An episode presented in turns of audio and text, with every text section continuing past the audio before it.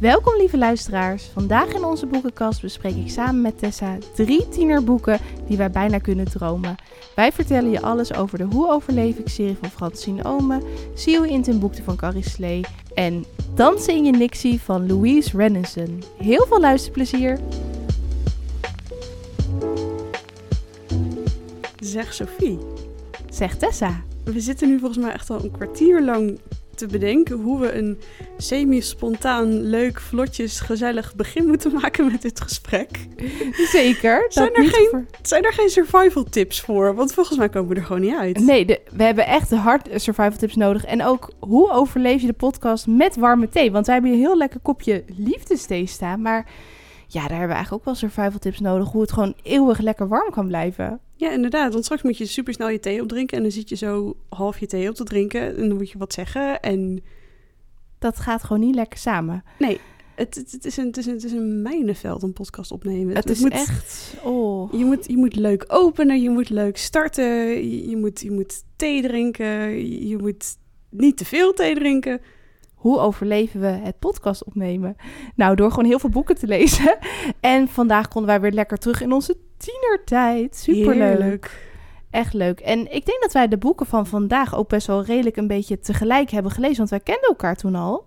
Ja, we kennen elkaar echt al eh, duizend jaar. Nee, echt al heel lang. Ja, echt mega lang.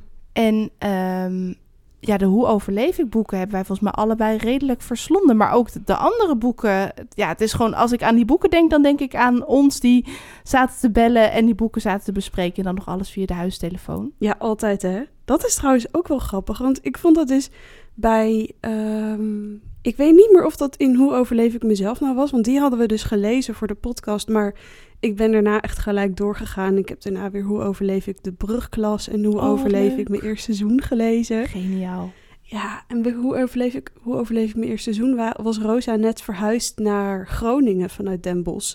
En Oh, toen ja. had ze dus ook steeds ruzie met mijn moeder en Alexander, omdat ze veel te veel aan het bellen was op haar huistelefoon om naar Esther en Sascha te bellen. Maar dat Oh. hadden wij natuurlijk ook. Wij zaten, ik weet nog dat ik altijd dan, ik weet niet waarom, we hadden volgens mij twee huistelefoons. En de eentje was dan ergens in de slaapkamer van mijn ouders of zo. En daar ging ik dan altijd heen, want dan kon ik lekker privé bellen. En dan zat ik daar gewoon uren met jou te, te babbelen. Ja, en we Onder hadden andere een- al hierover. Ja. Ja, inderdaad. Ja, we hadden zo'n vaste telefoon en zo'n eh, draadloze telefoon. Dus ik kon altijd lekker op mijn kamer bellen. Oh ja, natuurlijk. En dan was het op een gegeven moment, na, na, na een uur of zo, kwamen mijn ouders er een keertje achter dat ik al een uur aan de telefoon Oh was. en dan was het zo van, hé, hey, eh, madame.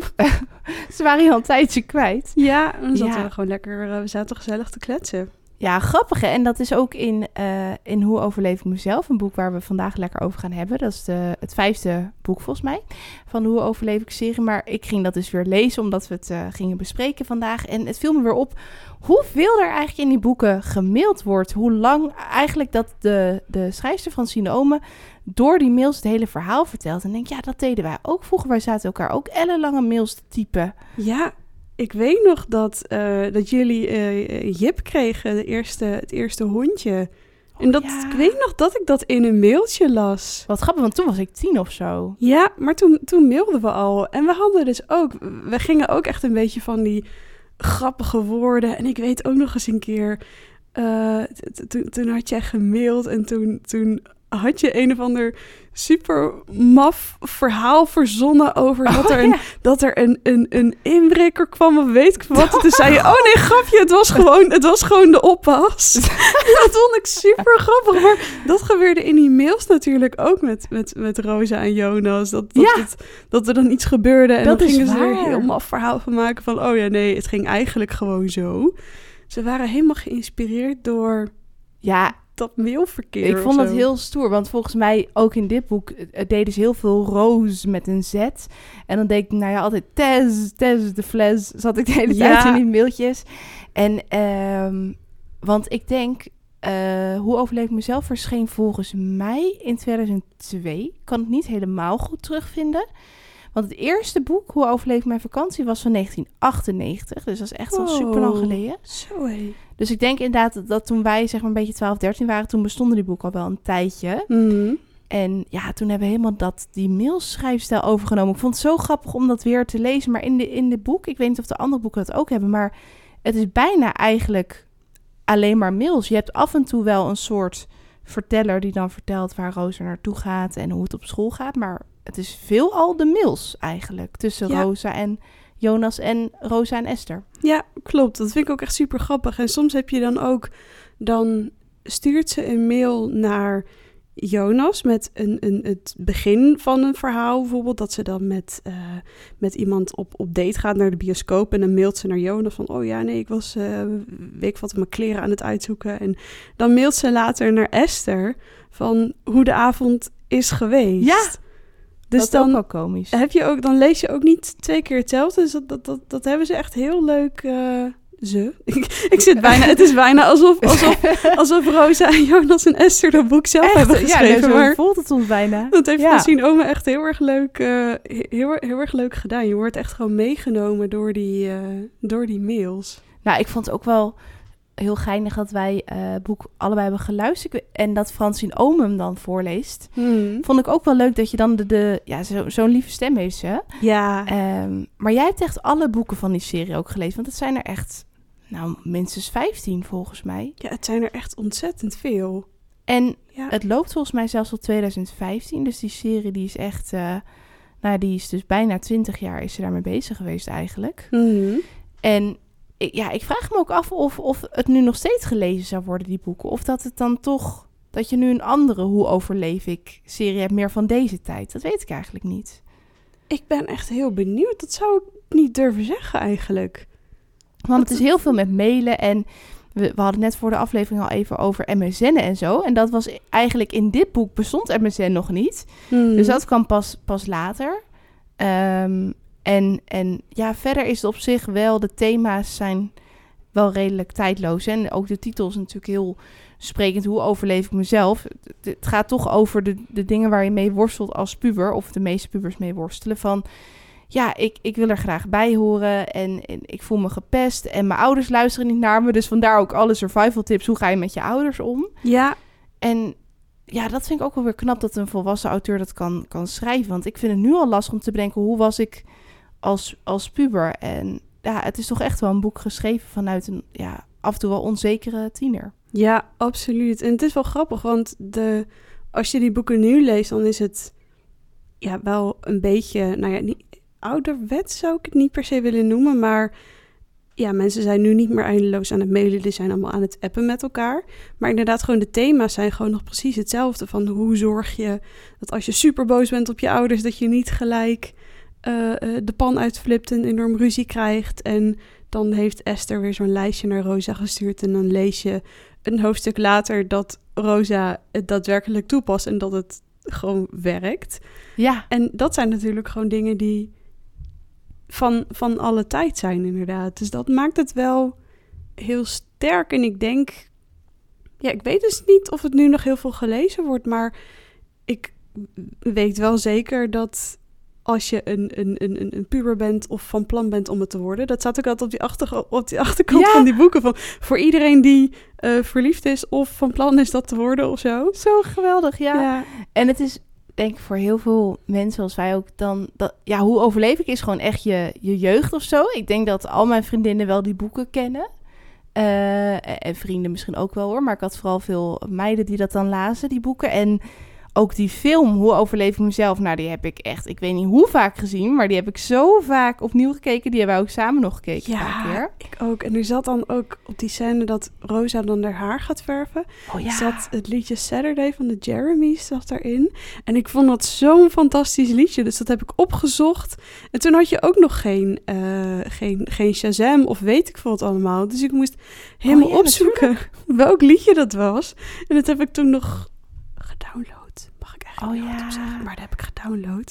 en op mijn mp3-speler gezet. Want ik vond dat zo'n leuk liedje. cool. Maar dan, dan ga je gewoon inderdaad heel goed naar de songtekst luisteren of zo. En dan ga je het hopelijk googlen. Ik, of ja, we hadden toen ook nog niet echt heel veel YouTube. We klinken nou wel heel oud, maar, maar Ja, het was toch waar. anders. Ja, Het, was, het was echt heel, heel anders.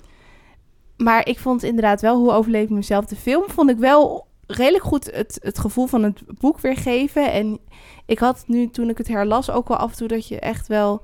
Ja, medelijden niet helemaal het goede woord. Maar je gunt Rosa gewoon dat ze blij is met zichzelf. En ja, ik vind dat toch best wel schrijnend. Een meisje in Groningen. Dat, dat kinderen dan zo gemeen kunnen zijn tegen elkaar op school. En dat je gepest wordt. En dat ze dan ook nog thuis in een lastige situatie zit met een, met een stiefvader. Het schijnt ook dat Francine Ome zelf wel die dingen ook heeft meegemaakt vroeger. En dat er een Ja. beetje in heeft verwerkt. Heel heftig. Ja, want Rosa is in Hoe overleef ik mezelf is eh, vrij kort geleden verhuisd naar Groningen. Dat was dus in Hoe overleef ik mijn eerste seizoen. Was dus een boek daarvoor weer. Ja, toen, Oh ja. was ze, toen was ze net verhuisd. Ehm, want Rosa's ouders zijn dus gescheiden en Rosa's moeder krijgt een relatie met Alexander. En Alexander vindt een baan in Groningen. Dus ze moeten daar naartoe verhuizen. Maar ondertussen is er ook weer een, een, een liefdesbaby geboren. Die vooral heel veel huilt en poept en gilt en krijst. En Alle aandacht op ijs bijna. ja, en Ja. haar moeder en Alexander hebben, hebben veel ruzie en spanningen. En op school vindt ze geen aansluiting omdat ze zo onzeker is. En daardoor denken de andere leerlingen dat zij gewoon geen contact wil met mensen. Dat ze arrogant is. En ja, Rosa gaat er een beetje alles aan doen om toch maar leuk en stoer gevonden te worden. En daarin gaat ze toch behoorlijk wel zichzelf verliezen. Want op een gegeven moment krijgt ze dan dus dat alter ego, die Rose, met een Ja. Z.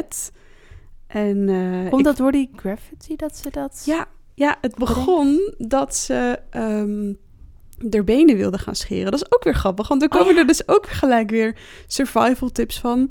ehm, hoe kan je ontharen? Of je kan je benen scheren of ontharingscrème of weet ik veel wat. En dat Esther dan ook zo mailt dat ze dan er eh, zo- zo'n zo'n haarstrip van haar moeder had geleend... en dat ze dan daarna niet meer verder durfde...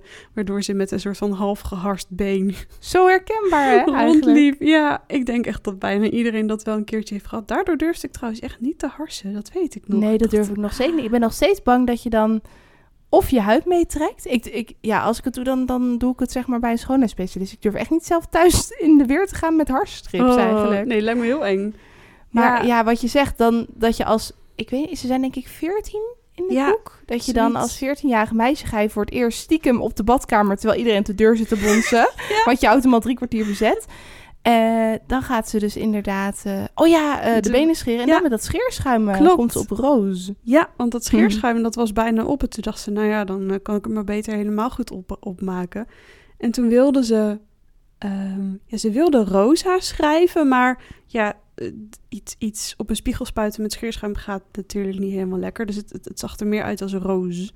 En toen is een beetje die graffiti-naam geboren. Ah, wat geinig. En daardoor dus uiteindelijk ook een beetje haar, ja, haar alter ego, haar stoerdere, coolere ik. Maar ja, dat, dat alter ego sloeg een beetje door. Nou, dat vind ik best wel sterk aan het boek. Dat je heel duidelijk... Het is nu wel best wel uitvergroot, maar dat je hebt Rosa. Dat is eigenlijk gewoon hoe ze zichzelf voelt. En gewoon de kalme, rustige Rosa. Maar dan heb je eigenlijk ook een beetje de rebelse Roos met de Z. En dat is dan een beetje de stem in haar hoofd. Die zegt dat ze, ja, dat ze niks waard is. Of dat ze dingen moet doen om erbij te horen. En ik, ik denk dat best veel mensen dat herkennen. Ik heb dat Francine Omo ook wel eens horen zeggen in een interview. Ehm, dat klinkt natuurlijk heftig van je hebt meerdere stemmen in je hoofd. Maar onbewust heb je vast wel eens onzekerheden of gedachten. Of dus een stem die tegen je zegt, je kan het niet. En zij laat het op die manier best wel goed zien op een simpele, toegankelijke manier. Ja, en ik vind het ook heel erg mooi, want Rosa wordt op een gegeven moment ook echt wel een beetje bang voor die Roos. Want die gaat steeds verder en ze begint met afvallen en dat gaat ook steeds verder. Ze gaat geld jatten van, van, van Alexander. Ehm, het, het wordt allemaal steeds heftiger en Rosa die wil het eigenlijk niet meer, maar die Roos neemt best wel een beetje de overhand. En Ja. wat ik zo mooi vond aan het eind van het boek, als ze dan met, eh, met Neus daar zit, ehm, dat ze dan zegt van ja, ik denk dat ik gek ben, want ik heb een soort van stem, een soort van personage in mijn hoofd. En toen zei, zegt Neus doodleuk van, oh ja, ik heb er ook heel veel. Ja, ik geef ze allemaal een naam. Ja. Ja. Precies. En dan zie je van, ja, het is, het, het is gewoon heel normaal. En iedereen, iedereen heeft dat.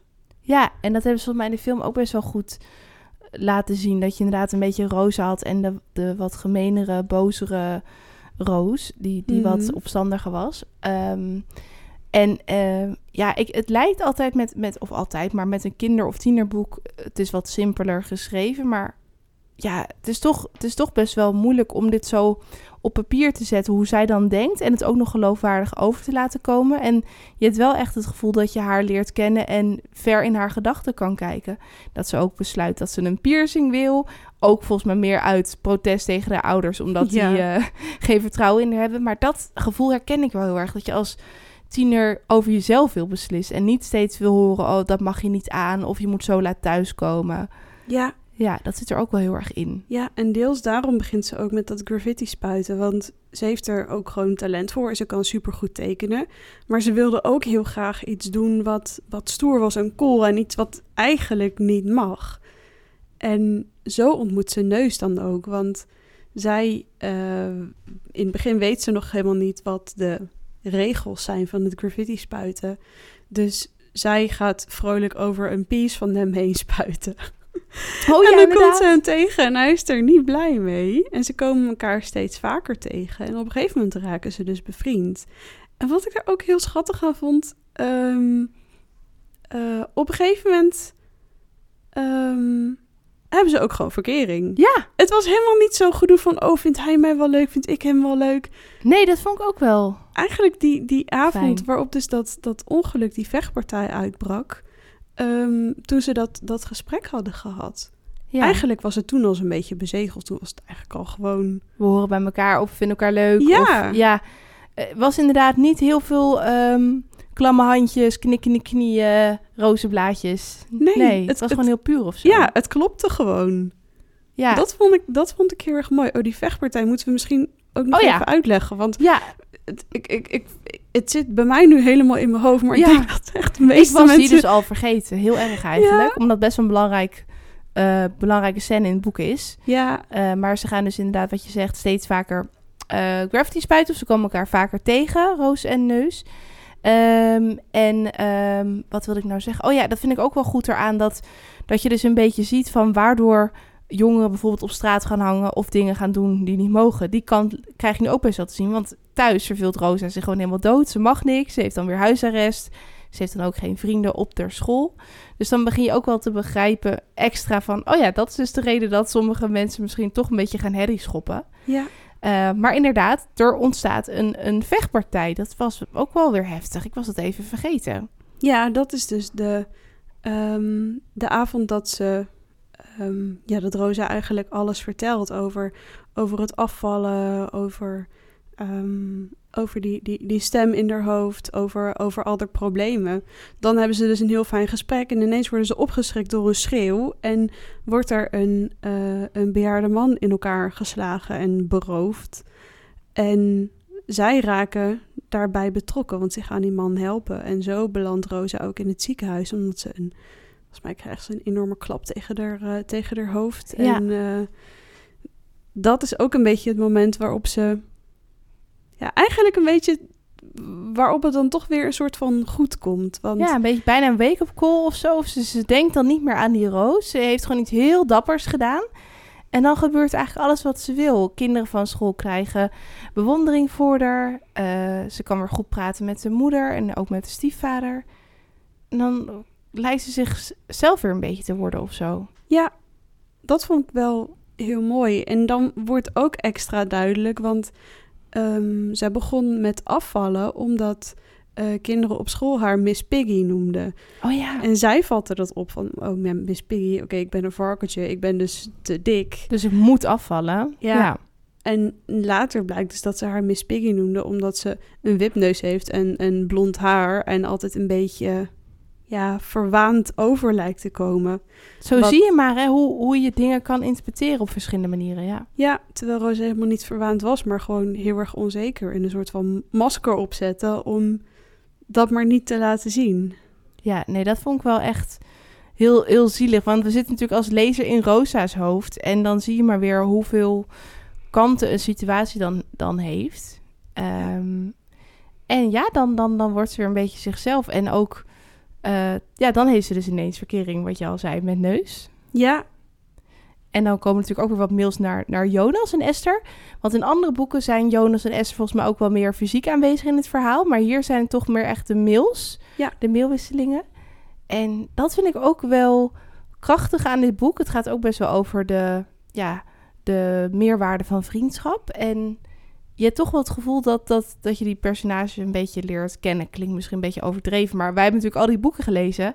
Dus dat vind ik dat Francine Omen dat ook wel heel goed heeft gedaan. Van je weet, nou, Jonas die woont in Limburg, die houdt van dichten. En hoe ze ook tegen elkaar praten. Je hebt gewoon, als kind had ik gewoon bijna zin om onderdeel te zijn van die vriendengroep. Ik dacht, oh, heb ik ook maar zo'n coole mailvriend. Nou, dat was jij dan eigenlijk. Ja, en jij was die, jij was die van mij. ja, dat Ja. vond ik toen super leuk. Want je kon elkaar gewoon prima bellen. Maar het was af en toe toch gewoon heel leuk om een heel verhaal te schrijven naar elkaar. Ja, En een beetje die taal over te nemen. Maar daardoor ehm, voel je wel een beetje de warmte van, van de hechte vriendschap onderling. Dat, dat vind ik ook wel heel leuk aan de Hoe overleef ik boeken. Ja, en Esther die probeert in Hoe overleef ik mezelf ook steeds weer contact te zoeken met Rosa. Terwijl Rosa vindt haar op dat moment ja, een beetje een zeurende dominee. En eh, die denkt, ja, mijn ouders zitten al eh, aan, aan mijn kop te zeuren. En de, nou ja, de, de ouders, de, de moeder en Alexander. En Esther die maakt zich een beetje zorgen over wat Rosa allemaal doet. Dus die begint dan ook weer allemaal puber survival tips te sturen. En Rosa denkt, ja, doei. Stiekem blijken ze toch allemaal wel te werken, maar Rosa wil het eventjes niet zien. Nee, Maar Esther blijft wel gewoon steeds weer contact zoeken en steeds weer Ja. naar haar mailen. En uiteindelijk komt dat natuurlijk ook gewoon weer allemaal goed. Ja, ja, precies. Ik, toen dacht ik wel van, oh, het is dus eigenlijk best wel lastig om er voor iemand te zijn zoals Rosa, die dan helemaal met zichzelf in de knel zit. Want je bent dan inderdaad geneigd om goed bedoelde tips te geven, zoals Esther. Maar ja, Rosa zat er gewoon even echt niet op te wachten. Maar die voelde zich gewoon door niemand eh, begrepen eigenlijk. Nee, maar, Nee. maar on- ondertussen... Ja, die, die tips deden, deden wel wat. Want ze, Ja. las, ze las ze wel. Ze deden er wel wat mee. Ja, Ja. ja, ik vond ook die scène dat ze dan, wat jij net ook zei over in de film, maar ook in het boek, dat ze dan de haar paars gaat verven. Ik zie het gewoon helemaal voor me. Een meisje alleen thuis, zaterdagavond. Chips en cola. En de moeder was volgens mij weg met Alexander. En dat ze dan zelf verf heeft gekocht en dat dan gaat indoen. En dan, ja, dat, dat zag ik gewoon helemaal, helemaal voor me. Ja, ik vond het helemaal cool. Ja, Ik heb vroeger ook best wel vaak mijn haar geverfd. Dan niet Ja? paars, maar ik heb het heel vaak rood geverfd. Oh, cool. En ik Ja. weet dan nog wel, dan, dan, dan, dan voelde ik mezelf helemaal, helemaal de coolste als ik, Ja. dan weer, als ik dan weer mijn haar had geverfd. Ik Deed je het ook stiekem of mochten jouw ouders het wel gewoon weten? Nee, dat mocht wel. Ja, hè? Ik, eh, ja, nee, ik mocht, eh, ik mocht wel gewoon alles met mijn haar doen, want dat groeide toch wel weer aan. Ik heb nog wel, ehm, toen was ik denk ik een jaar of 12, 13, en toen wilde ik heel erg graag oor, oorbellen. Oh, ja. Maar dat mocht niet voor mijn achttiende. Daar waren Nee. mijn ouders echt heel stellig in. Van nee, geen, ehm, geen onomkeerbare eh, dingen voordat je 18 bent. Nee. En eh, nou, inmiddels ben ik eh 30. en ik heb nog steeds geen oorbellen. nou, zie je, dan hadden je ouders, die wisten gewoon ergens... Nou ja, die wilden gewoon dat je zelf dan inderdaad de keuze kon maken waarschijnlijk. Ja, en eigenlijk Toen, het, toen het eenmaal mocht, hoefde het eigenlijk al niet meer. Maar misschien dat ik het ook gewoon heel graag wilde, omdat het, ja, toch weer iets was wat, wat, wat niet mocht. To- ja, daar, daar word je dan dus nieuwsgierig naar. Net als met Rosa met die wenkbrauwpiercing. Oeh, die ze dan stiekem gaat laten zetten. Oh, ik weet nog, dat, dat de eerste keer dat ik, dat ik dat boek las, toen had ze dus dat nepringetje laten zetten. Ja, En toen kwam ze thuis en toen eh, kreeg ze er helemaal ruzie mee. En ja, haal nu die piercing eruit. En dacht, ja, oké, moet hij eruit? Nou, dan gaat hij er ook uit. En dan pakt ze dat ringetje en dan trekt ze eraan. oeh, kippenvel. Ik was Ja. helemaal van, nee, dat kan niet. Nee, oh, dat dat vind ik ook nog steeds een heel naar stukje. Ja, maar dat bleek gewoon een nepringetje te zijn. En ook Ja. dat ze dan inderdaad bij die piercing shop aankomt. Ja, ik wil een eh, pi- pi- piercing. en dat die man er achter de balie zegt, ja, ho- ho- hoe oud ben jij? Kom maar terug als je, acht- als je 18 bent. Of in elk geval met toestemming van je ouders. Ja, ik had ook wel weer... Aan de ene kant zat ik heel erg terug te denken inderdaad aan mijn eigen tienertijd. Van, eh, ja, ik, ik was niet zo rebels dat ik echt dacht... Ook wil, of nou, niet dat dat rebels is. Maar ik, ik was niet dat ik heel erg stiekem dan een piercing ging zetten of zo. Of mijn haar stiekem ging verven. Maar ja, je dacht toch wel... Oh, ik wil coole kleren kopen en zo. Dus ik, aan de ene kant waande ik me best wel in die tienertijd, zeg maar. En aan de andere kant had ik ook wel zoiets van... Stel, als je wel ooit zelf dan eh, kinderen zou hebben... Zou, wat mag dan voor jou als ouder? Lijkt me zo lastig, inderdaad. Wat je ook zegt met die oorbellen. Ja, als een kind dan komt, ik wil oorbellen... want de rest van de klas heeft het ook. Wat ga je dan doen als ouder? Dat is ook alweer de kant van het boek van ja, hoe Ja. ga je er als ouder dan mee om? Wat grappig. Ik had, het, ik had er nog helemaal niet op die manier aan gedacht. Want inderdaad, als je het gewoon nu leest, lees je het inderdaad ook gewoon weer met een andere blik. Van ja, Ja. Wat, wat, zou je, wat zou je misschien zelf doen? Ja, precies. Want het, ja, aan de ene kant wil je ook weer niet alles goedkeuren, maar ook weer niet alles afkeuren. Want dat nou ja, werpt niet zijn vruchten af, blijkt ook wel in Mhm. dit boek. En ja, nee, het, is, het zit er heel veel, heel veel kanten aan. En het schijnt nu ook dat Francine Omen ook voor volwassenen twee boeken heeft gemaakt. Oh, wat leuk. Volgens mij ook, ook iets met hoe overleef ik in de titel. Maar dat ging dan wel echt over een, eh, over een wat zwaarder onderwerp. Volgens mij ook wel over haar jeugd en patronen uit haar familie. En daar is voor mij zelfs een documentaire over gemaakt. ja, Ehm, dat is waar. Die heb ik nog helemaal niet gezien. Maar dat schijnt Nee. inderdaad ook allemaal best wel, best wel heftig te zijn allemaal. Nou, precies. Dus dat lijkt me wel een heel, eh, heel interessante documentaire. Dus zij heeft daar nu... Voor mij heeft ze ook een graphic novel gemaakt. Want zij is dus ja, super creatief ook blijkbaar. Ehm, nou ja, en dus dat van de Hoe Overleef ik serie is dus en een film gemaakt en een serie, tv-serie, die heb ik nog nooit Ja. gezien. En een musical. Ik wist dat helemaal niet, joh. Ja, dat is echt leuk. Ja, die serie die heb ik wel gezien. Die vond ik ook wel echt heel erg leuk. Dat is echt zoiets als je, als je een, keer, een keer zin hebt om eventjes terug te duiken in je, in je jeugd. Ook met, met die muziek en alles erbij. Het, het is heel leuk. Het is heel grappig. Ja, je Ja. waant je, tenminste als je een beetje uit onze... Nou ja, misschien heb je dezelfde ervaring dat je een beetje weer terugwaant in je tijd van 12, 13, 14-jarige. Ook met die muziek inderdaad, wat je al aangaf Ja. van... Een beetje die muziek en een beetje die opstandigheid. En ook alweer een beetje de eenzaamheid. Komt in het boek en de film best wel eh, goed naar voren. Mhm. Ja, Ja, en die grappige klopt. bijnamen. Continu Joon de Boon. Ja, Esther Fles, inderdaad. Heerlijk, ja. Ja, dat ze dan ook die mails afsluiten. Nou, eh, de, de woelewapjes van Esther. Ja, precies. Ja, geweldig. dat soort grappige dingen. Nou, het leuke is wel dat het een serie is, dus dat je dan ook kan blijven doorlezen. Ik ben denk ik al sinds ik jong ben wel dol op series. Ook met Amanda lees ik best wel veel series. En jij volgens mij ook wel. Ja. Dan, ja, als je dan een boek uit hebt, dan, dan kan je gewoon lekker door naar de volgende. Ja, ik had dat dus ook, want ik ben door Aman en jou dus eh, op het pad van de eh, boeken over Rani Diaz gekomen. Oh ja, die thrillers. Ja, nou, ik, ik heb ze echt gewoon in één ruk uitgelezen. Ik vond het zo leuk. Voor mij zijn er nu 18 of 19 boeken van. Echt Ja. heel veel. Ik ben nu, ik ben nu bezig in het, eh, in het, in het nieuwste deel. Ik ben bijna uit, maar oeh. Oeh, spannend. Ja, Ja, die, die is echt wel spannend. uitgekomen. Ja, die wil, nou ja, dan ga, ga je dus echt zitten wachten op zo'n boek. Maar ik weet nog met hoe overleef ik. Ik was dan eh, zeg maar nog best wel jong toen de boeken net uitkwamen. Dus toen ik, toen ik ze echt ging lezen, waren best wel veel boeken al beschikbaar. Ja. Dus toen kon ik gewoon eh, lekker doorlezen. Ja, en dat is ook wel grappig, want op een of andere manier, als je, als je leest, dan groei je ook een beetje mee Ja, met, met Rosa. En op een of andere manier voelt ze in mijn hoofd ook altijd nog steeds een beetje even oud als ik of zo. ja.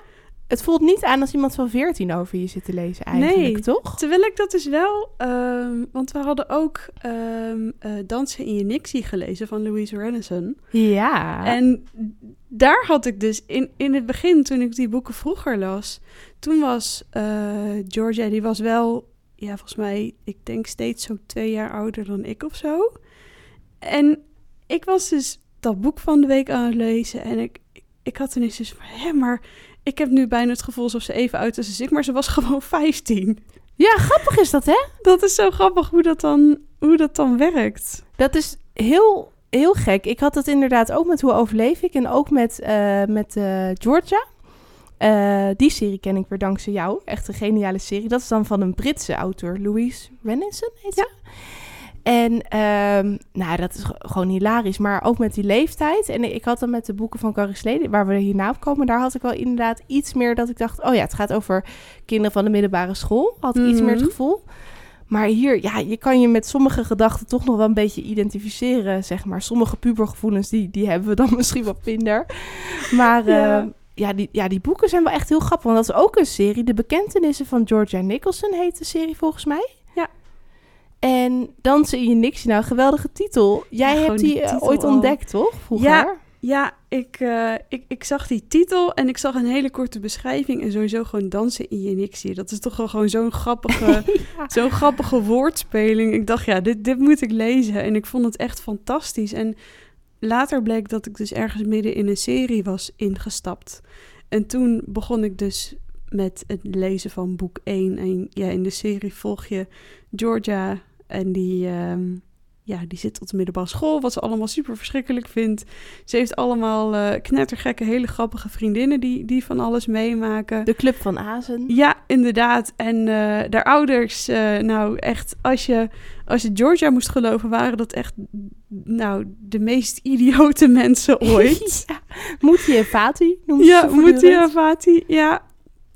Ja, en, En, eh, dit is deel 4, hè? Dansen je Nixie. Ja, klopt. Ja, Maar in principe, ja, het zijn wel opeenvolgende verhalen, maar is het heel rampzalig als je niet de volgorde leest? Ja, als je het kan, zou ik het doen, maar... Nee, het, is, het, het, het, valt, het valt eigenlijk wel mee. Ja, het, het- de serie begint ehm, dat eh, Georgia door haar vriendin Jas of Jess... Dat, verschilt ook weer een beetje, denk ik, hoe je... Ja, Die, het- ze wordt meegesleept naar de stad, want er werkt echt een fantastisch leuke jongen in de groentewinkel. En die jongen die blijkt een hele knappe broer te hebben. En Georgia die valt als een blok voor hem.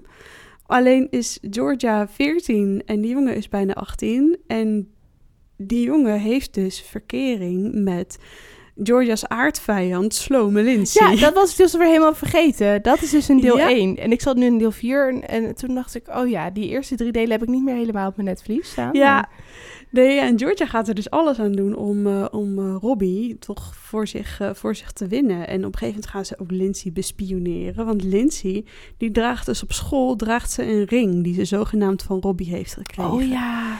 En Georgia en Jess die gaan er dus voor, voor haar slaapkamer aan kijken. En dat is dan ook weer echt de hilariteit van die puberboeken. Want dan is het, "Oh, ze heeft een string aan. Een tanga, want dat een boek heet toch tanga. Tijger, Tanga's en Ja, klopt. zo? Tijger, tangas en tongzoen. Ja, tijger, tijger is de knotsgekke kat die ze, die ze hebben.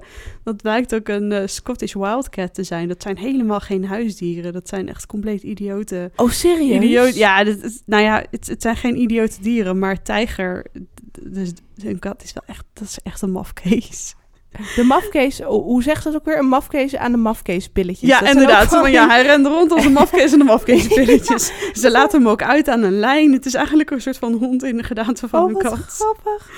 Echt zo grappig. Je kan wel merken dat eh Louise Renaissance, hij is volgens mij ook stand-up comedian geweest. Ja. En eh, zij is dan een Britse, Britse schrijfster. En jij liet net een stukje horen op Storytel dat zij dus zelf eh, stukjes voorleest. Geweldig. Of ja, stukjes. Zij, zij leest al die boeken Ja, ook zelf voor. alle boeken voorgelezen. Oh, Hilarisch. heerlijk. Mocht je denken, ik heb zin in, in Brits en iets leuks om te luisteren, dan is dat echt een aanrader. En het lijkt me ook zo'n enorme klus om, om deze boeken te vertalen. Want er zit me een partijtje woordspelingen in. En grappige zinopbouw en, en gekke verbasteringen. Heel veel Frans eh, zit er doorheen verweven eigenlijk. Ja, klopt. Ja, en dan, en dan hebben ze ook, weet ik veel wat, dan hebben ze nieuwe schoenen gekocht. Ja, die zijn echt eh, driedubbel cool met een rietje. Ja, dat, soort, dingen. Dat hebben wij trouwens ook nog heel erg overgenomen. Ja, wij nemen heel veel over daarvan, moet Ja. ik eerlijk zeggen. Want wij zeggen ook heel vaak eh, mon ami of très amusant of... eh, ja, ik weet niet, wij praten ook een beetje zo af en toe van...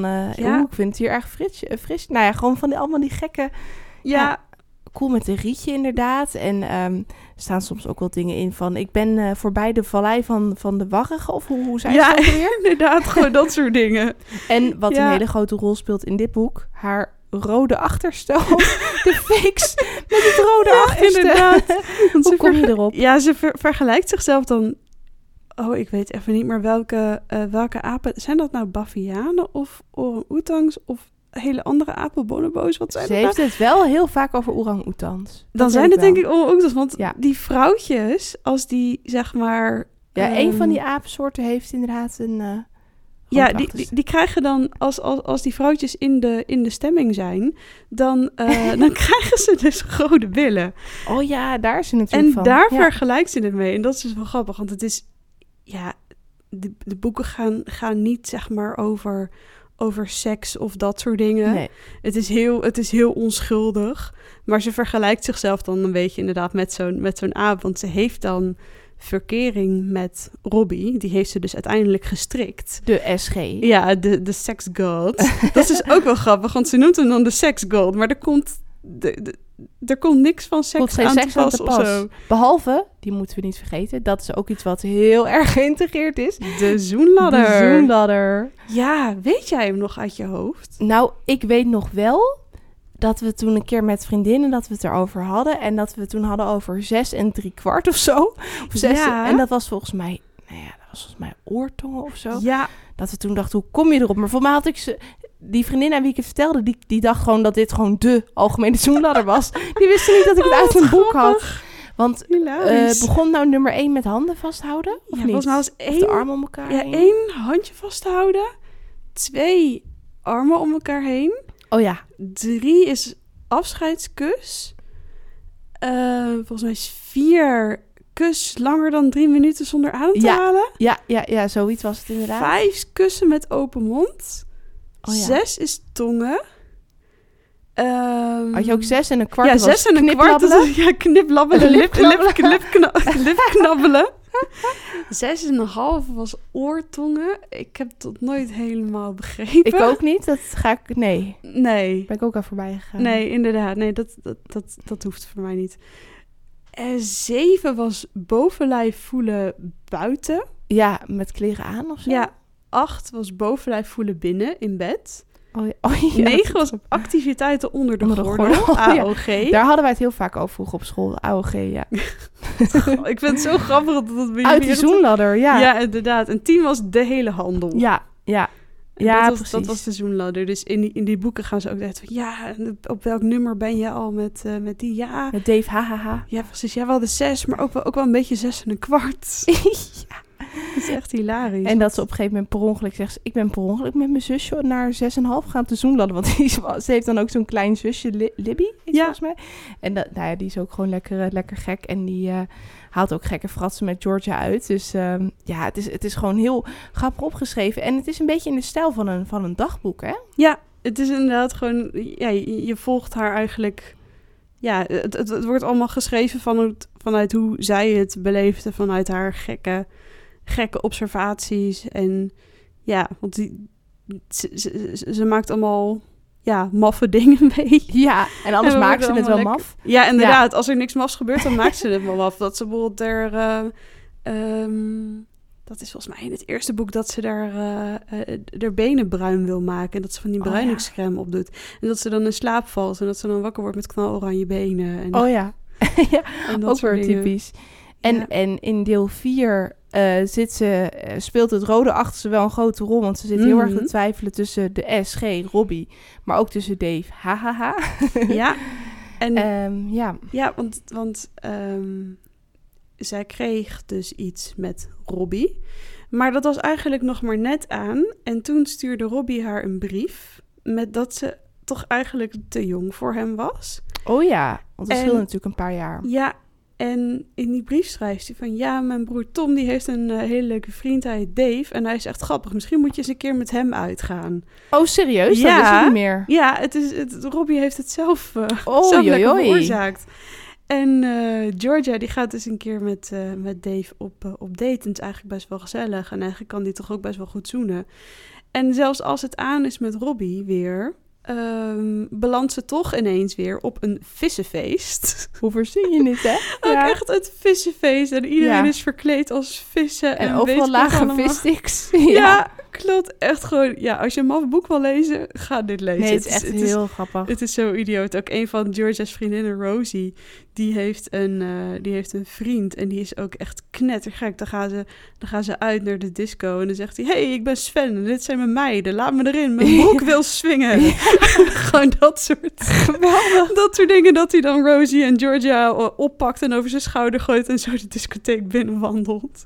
En dan heeft Georgia, die kan weer alles, voorziet ze een beetje van heel grappig commentaar. Ja. Eh, en eh, hoe ze ook dingen, dingen beschrijft. Stiekem wilde ik vroeger, toen ik het las, dacht ik... oh, kon ik ook maar zo humoristisch zijn of zo over dingen nadenken. Want het is dus, eh, in tegenstelling tot misschien soms hoe overleef ik boeken... Het is, het is helemaal niet somber. Het is eigenlijk Nee, alleen maar niet. grappig. Het is, het is echt alleen maar grappig. En ja, er, ja, er zit wel nou ja, soort van drama in. Want het, het gaat weer de hele tijd uit en aan met Robbie. En Ja, ze heeft dan per ongeluk weer met Dave gezoend. En ze weet Ja. eigenlijk allemaal niet meer wat ze ermee moet. zegt ze ook, ik heb mijn lippen niet in bedwang. Ja, maak dan mijn lippen maar eens wijs. Inderdaad, zo. ja, klopt. Ja, ik zou Dave niet moeten zoenen. Maar eh, als, als, als ik hem zie, dan eh, gaan mijn lippen spontaan tuiten. Ja, precies.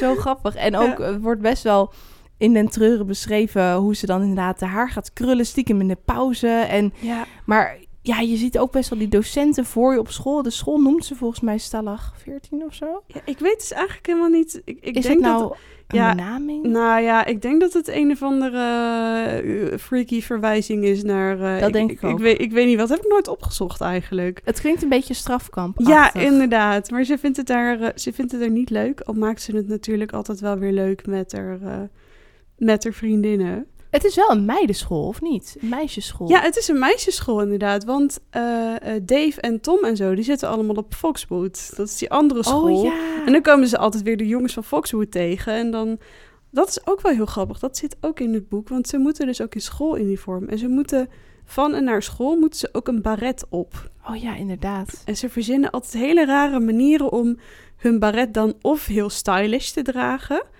Of gewoon compleet gestoord. Dus volgens mij, ja, dat zit in Dansen in je Nixie. Dan hebben ze het handschoendier uitgevonden. Dan zetten Ja, ze een baret op. En dan hangen ze hun handschoenen aan hun oren. Als een soort van, ja, handschoendieren. En dat, eh, zeg maar, tot ongenoeg van de docenten. En dat is natuurlijk iets weer wat eh, Georgia verzint. En het, het komisch vind ik ook wel... Georgia is zelf best wel, ja, eh, komisch en, en brutaal en eh, een beetje tegendraads, denk ik wel. En Jas of Jess, haar beste vriendin, lijkt bijna een beetje haar tegenpol. Maar toch Ja. zijn ze echt de beste amies, zoals Ja. ze dat dan noemen. Inderdaad, ja, Georgia doet niets anders dan eh, het het jazz afzeiken, maar ze kunnen, ze kunnen echt niet zonder elkaar. Jess en haar pony. Ja, en Ja. de pony en de, en en suffe ecologische vriendje en eh, weet ik wat allemaal. Als, als Jess en Tom een wilde bui hebben, dan eh, mappen ze elkaar met melk pakken. En dan zegt Georgia, wacht, ik stuur nu hulp naar je toe. ja, precies, inderdaad.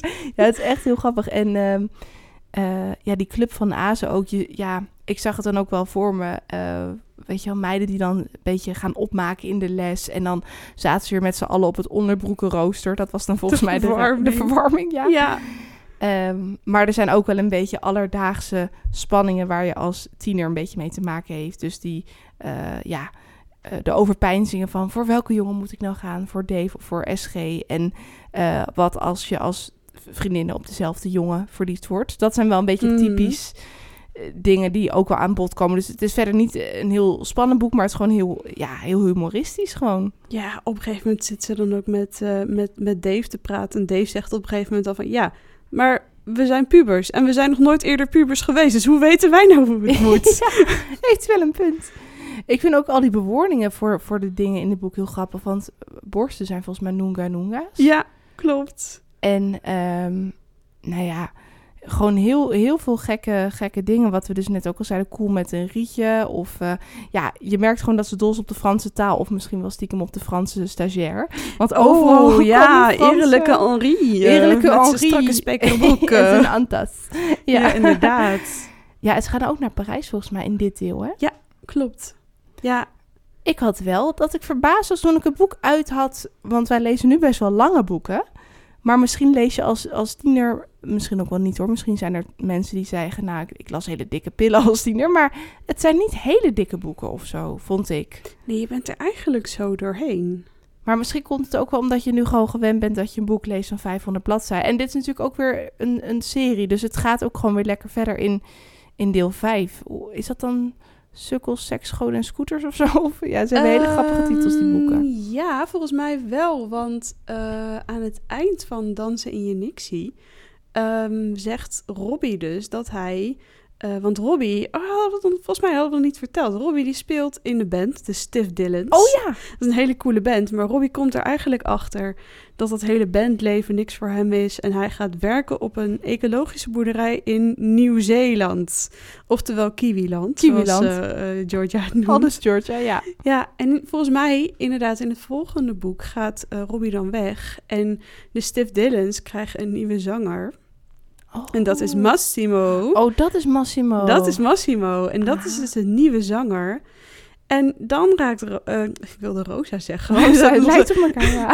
Eh, dan raakt Georgia dus helemaal in de knoop. Want Oeh. Massimo, nou, joh, joh, joh, die, eh, die, die kan je ook niet zomaar voorbij lopen zonder dat je lippen gaan van, ervan gaan tuiten. Zij heeft een beetje last van de kosmische kriebels, Ze denk heeft ik. zeker of de last- algemene kriebels. Wat was het nou? Nou, dit is een gevalletje algemene ja, kriebels. oké, oké. Ja, want de, de specifieke kriebels heb je voor één persoon. De algemene kriebels, dan val je op eh, meerdere personen tegelijk. En bij de kosmische kriebels, dan is er gewoon helemaal geen houden meer aan. Dan, eh, dan, dan, vind, dan, vind, je alles, eh, dan vind je alles leuk. Heerlijk. Oh, geweldig. Het is ook Echt. leuk. Dat is Ik ook weer zo'n me- maffe uitspraak van Dave. Ja, van Dave inderdaad. En jij zei dus dat er een film was van dit boek. Ja, die is zo leuk. Die heb ik echt pas een paar jaar geleden gezien.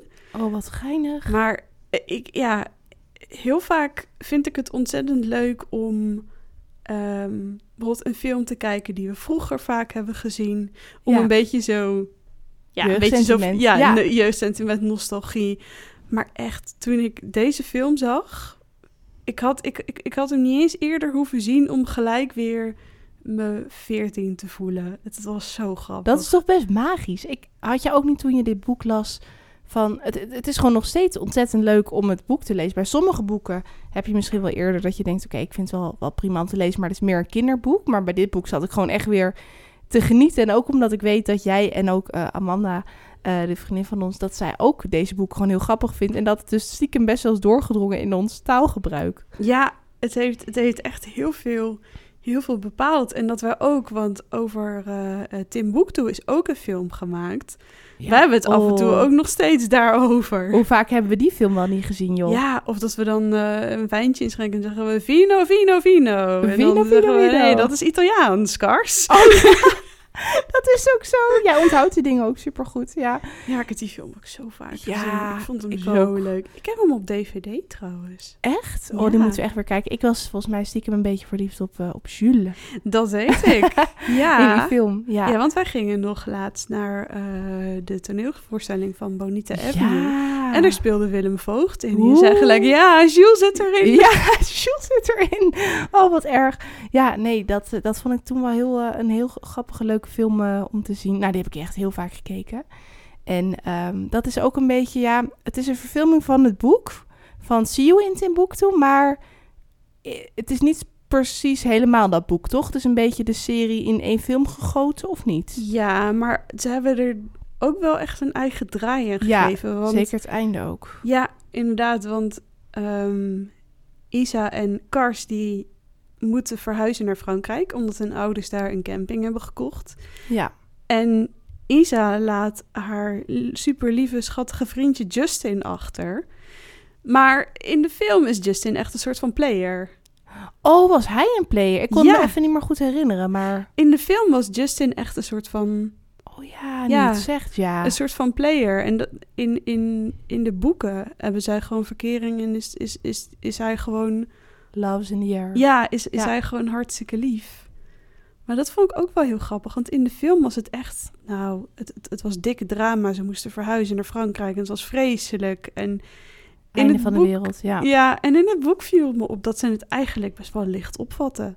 Ja, zolang de vrienden maar naar de camping mochten komen van de zomer. En eh, ja, dat ging inderdaad best wel gemakkelijk. Ja, See You in Timbuktu van Carrie Slee. Ja, ik, eh, heel grappig ook. Ik wist dus, dat wist ik eigenlijk helemaal niet, dat Timbuktu een, een plaats is in Afrika, in het land Mali. Mhm. En dat het dus een... eh, ja, dat het dus eigenlijk... Ja, heel veel mensen zeggen dat als je heel ver weg moet, dan moet je naar Timbuktu. En dat is ook een beetje de reden volgens mij dat ze die camping zo noemen. Want voor Isa en Kars voelt het aan van... Oh, onze ouders hebben een camping gekocht in een Frans eh, gehucht... waar niemand heen wil. En dat is dan... dat noemen ze dan Timbuktu. Ja, maar wat ik dan ook wel weer grappig vind... is dat eh, hun ouders die camping dus ook gewoon Timbuktu hebben genoemd. Ja, Want wat je met Hoe overleef ik en met eh, de, de serie over Georgia hebt... nou, dan, dan, die ouders die kunnen allemaal niks goed doen daar. nee. Maar bij de Timbuktu-serie gaat het eigenlijk allemaal heel erg lekker. Ze hebben ook Ja, dat is waar. Ja, ze hebben echt inspraak over, over wat, er, wat er moet gebeuren. Ze mogen ehm, ja, zelf allemaal ideeën verzinnen om, om de camping nieuw leven in te blazen.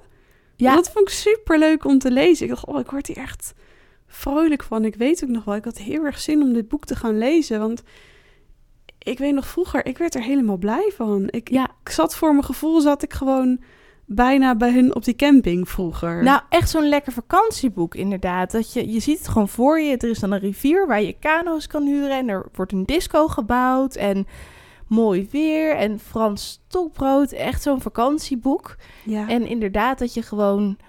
Ja, als, als tiener, als je dit boek las, waande je een beetje in die vriendengroep. Want dat is denk ik wel in, in alle boeken die we nu bespreken... Dat, dat toch de vrienden, dat, daar gebeurt van alles, maar dat is ook weer heel hecht. Mhm. En zeker in de boeken van Carrie Slee komt dat volgens mij best wel vaak terug. Dat je een hechte vriendschap hebt. En, maar dat mensen dan hè, eh, een beetje voor zichzelf wel kunnen worstelen met, met problemen of geheimen. Maar dat wordt hier best wel relatief ja, luchtig, lichtvoetig beschreven.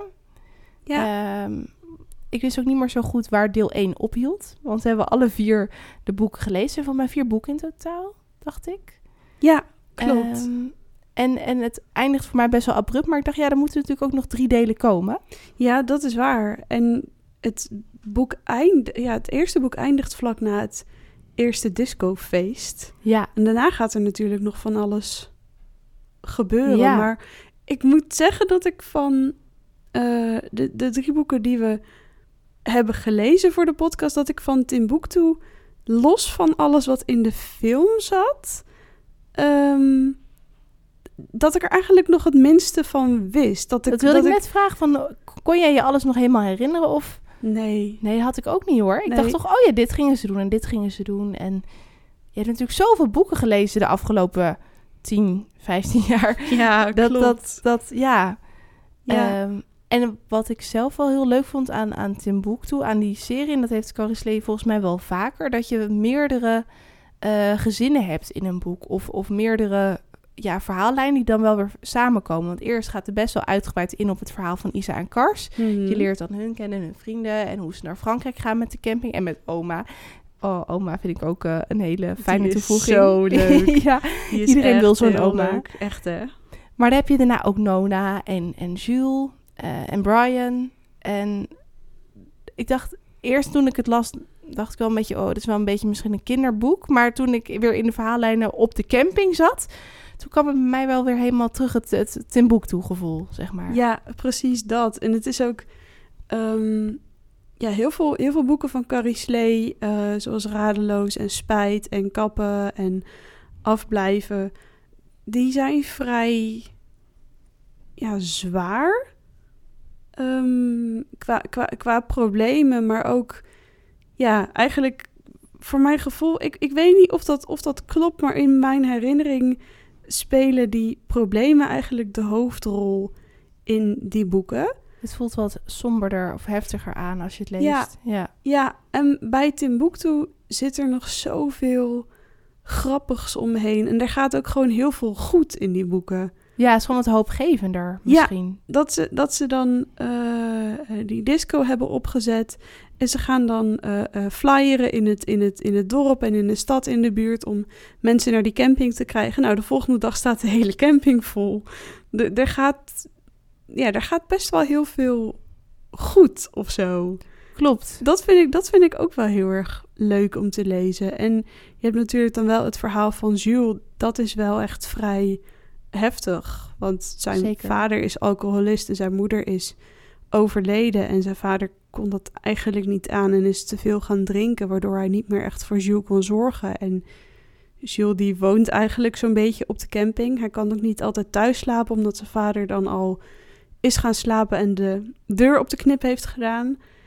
En Dat is wel hartverscheurend. ja, oh, ook echt toen, toen hij zijn, zijn hond kwijt was, Frodo, en dat hij in het ravijn lag. Oh, ik zat weer helemaal van, oh nee jongens, dit kan, dit kan niet. Ik, ik, Nee. ik, heb, ik heb zelf een hond, dus ik, ik, ik zag, ik Ja. zag mijn hond al bijna zo Oh, in zo'n ik. ravijn liggen. En ik dacht, oh nee jongens, dit, dit, dit kan niet. Het is echt, het is heel zielig. En, maar gelukkig komt dat ook vrij snel weer goed. Ja, dan toch weer die vriendschap die hem dan redt.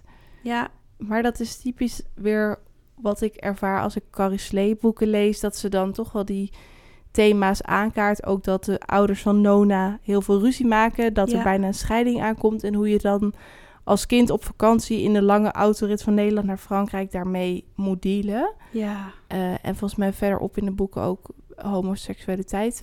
Ja, wat want, meer. Ja, want in dit eerste boek weet Brian al wel dat hij ja, niet op dezelfde manier geïnteresseerd is in meisjes als zijn vrienden. Maar later in de serie komt, er, komt hij er inderdaad ook achter dat hij op jongens valt. En daar worstelt hij ook nog wel eventjes flink, eh, flink mee. Ja, ja precies. Dus dat, dat vind ik dan wel oh, goed. Het is aan de ene kant is het wel echt een, een tienerverhaal over ook wel over, over zoenen en verkeringen en meiden versieren. En soms best wel een beetje, ja, gewoon hè, jongens, eh, meiden. En dan vind ik het ook wel goed dat er wat serieuzere thema's ook worden aangekaart. Zoals inderdaad, als je wel eh, een moeilijke band hebt met je ouders of als je wel worstelt met, eh, met je geaardheid bijvoorbeeld. Hmm. Ja, er Ehm, zit, er zit heel veel in. En ehm, ja, die, die film, ik weet nog dat wij dat liedje van die film, eh, de titelsong was dat denk ik. En dat Ja. was ook de acteur van Brian die dat zong. Die hebben wij zo vaak gedraaid. Ja, er stond één, ehm, één ik, ik denk dat hij nog steeds wel op YouTube staat. Dus dat is één trackje op YouTube met Ja. dat liedje. Oh, toen hadden we wel YouTube. Ja. Ja, en we konden hem op YouTube vinden, maar dat, eh, de kwaliteit van het geluid van dat filmpje is ook helemaal niet goed. Maar Ik we hebben, dat, oh, we hebben dat grijs gedraaid. Die bas ging dan heel hard trillen als je hem te hard ging zetten of zo. Dat was van Geronimo volgens ja. mij, toch? Ja, Ik ben even de titel nou kwijt. Dat is wel heel slecht. Maar goed, als je... ja, het was, het was iets met hele, love. Ja, Maar ja. het was een hele lange titel, maar... Dus eh, Can't Stop Loving Me of zo? Ja, Falling in Love Again, was dat het niet? nou ja. Ehm, ja, of iets van If, If I Could Love You Once Again. Ja, zoiets, zoiets. Iets, iets in die... Dat is hem. Tess, ja, Tessa Ja? die onthoudt. Jij onthoudt het wel. Ja. Oh, dan moeten we zo eventjes... eh, ja. moeten we zo maar even weer gaan, eh, gaan opzetten en mee Ja. gaan zingen. Dat is voor ons dus echt ook jeugdsentiment. Ja, ik weet. Ik, ik, vond, ik vond dat helemaal zo'n romantisch eh, liedje. Ja. Ehm, maar viel jij nog iets specifieks op aan die boeken? Of hoe vond je het om het weer te lezen nu, een aantal jaartjes later? ja, heel erg leuk. Heel erg verrassend. Ik heb ook... ehm, dit in boektoeboeken heb ik volgens mij ook allemaal maar één, misschien twee keer gelezen. De Hoe overleef ik boeken heb ik best wel vaak gelezen. De Vaker, hè? Ja, dat Ja. heb ik ook wel. De boeken over Georgia ook in Timbuktu toch iets minder vaak. Maar ehm, eh, het, het viel me dus daar heel erg op. Dat vond ik heel grappig. Dat Carrie Slee heel goed is in heel veel vertellen zonder dat het te lang wordt. Ja, veel vertellen met weinig woorden. Ja, dat vind ik heel erg knap. Dat vind ik echt heel mooi. En dat ze soms een klein sprongetje in de tijd maakt. En dat je denkt, hé, hey, hè? Waar zijn we nu gebleven? Heb ik iets gemist? Ja, en dat ze in een paar zinnen ons weer eventjes up-to-date zet wat er daarvoor is gebeurd. En dat vond ik heel erg, eh, ja, dat vond ik heel erg leuk, want daardoor kan je een heel lang verhaal vertellen zonder dat het, ehm, ja, zonder, zonder dat het langdradig wordt. Er zit, er zit heel veel vaart in. heel veel vaart in. En dat is denk ik zeker fijn als je misschien als kind of tiener nog niet zo heel veel leest. En nou ja, trouw, ik, ik las heel veel als tiener, maar dan, dan is het misschien toch wel fijner dan inderdaad een boek met allemaal ellenlange beschrijvingen. Ja, Ehm, en, en hier in de boeken, je leest wel een beetje de, eh, de innerlijke gedachten van, van de hoofdpersonen, maar het is niet zo als in hoe overle overleef ik over Georgia. Het is natuurlijk niet vanuit ik-perspectief en je hebt niet die, die dagboekfragmenten of mails. Dus het is, het is inderdaad gewoon een heel snel lopend verhaal. ja, en wat ik ook heel leuk vond is dat ehm, er ook niet per se per hoofdstuk op iemand wordt Nee, ingezoomd. Want soms heb je een gesprek. eh, want Jules en Nona die zijn verliefd op elkaar. En op een gegeven moment staan zij samen eh, die discotheek te verven. En nou, bijna om de paar zinnen wordt er weer eh, van de een naar de ander geswitcht. Dat je dan eh, leest van dat Jules denkt van... oh nee, ik moet wel wat zeggen. En straks, eh straks vindt ze me stom dat ik zo stil ben. En dat je dan later leest dat Nona denkt... oh ja, nee, wat is hij stil? Vindt hij me, vindt hij me niet aardig? En dat weer die is, tegenstrijdige dingen. Ja. ja, dat is dus ook heel erg leuk. Want Het is bijna een serie of zo, of een tv-programma, hoe het geschreven is. Het is heel Ja. vlot geschreven, het, ja. is heel, het is heel vlot. Het is echt heel leuk. En ik snap ook niet zo goed waarom ik dit dus niet vaker heb gelezen.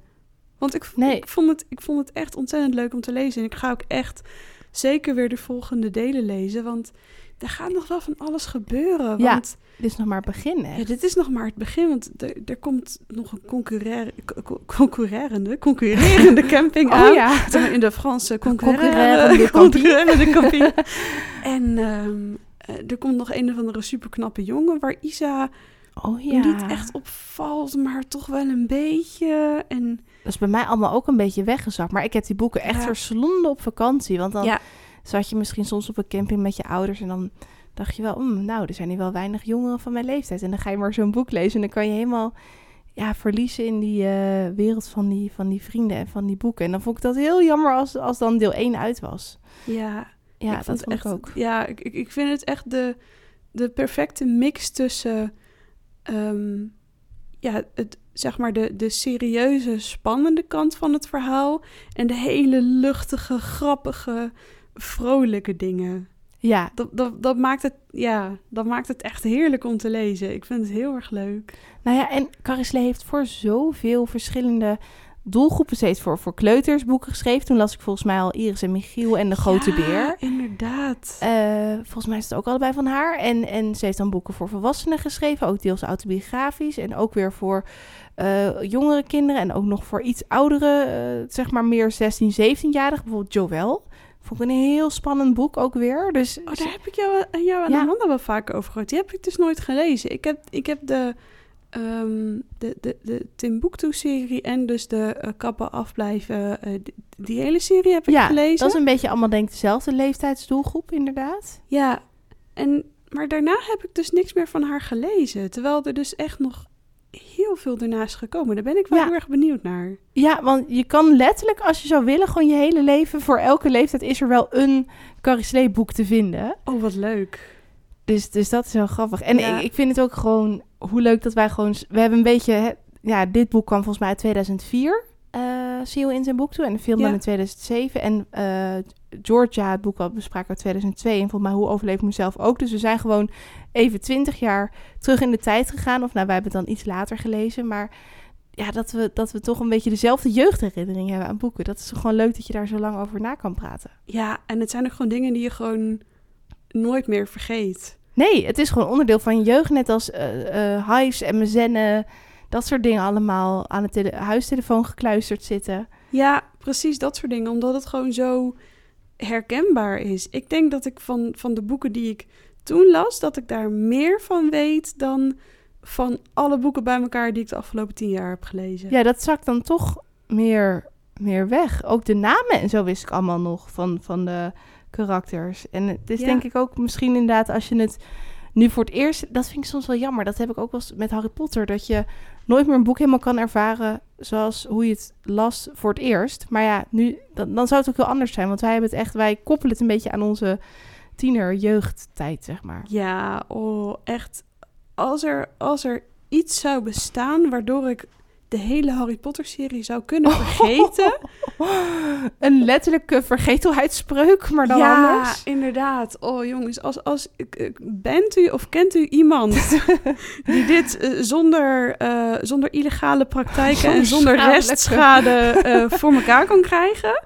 Ehm, mail eventjes naar de redactie van onze boekenkast. Ja. Want dat, dat lijkt me fantastisch. Onze dank is heel groot. Ja, En eh, ook eh, voor het luisteren naar, eh, naar deze aflevering. Heel leuk dat we lekker terug konden even in de Timbuktu, Georgia Nicholson en Hoe overleef ik wereld. ik ben heel benieuwd hoeveel mensen nu denken... oeh, ik ga dit ook weer eens even lezen. Ja, laat het ons even weten wat jouw favoriete jeugdboek is... of welke associaties jij hebt bij deze boeken. En eh, wij gaan weer lekker doorbabbelen. Nog even een kopje liefdesthee inschenken, denk ik. Oh ja, lekker. En eh, heel graag tot de volgende keer.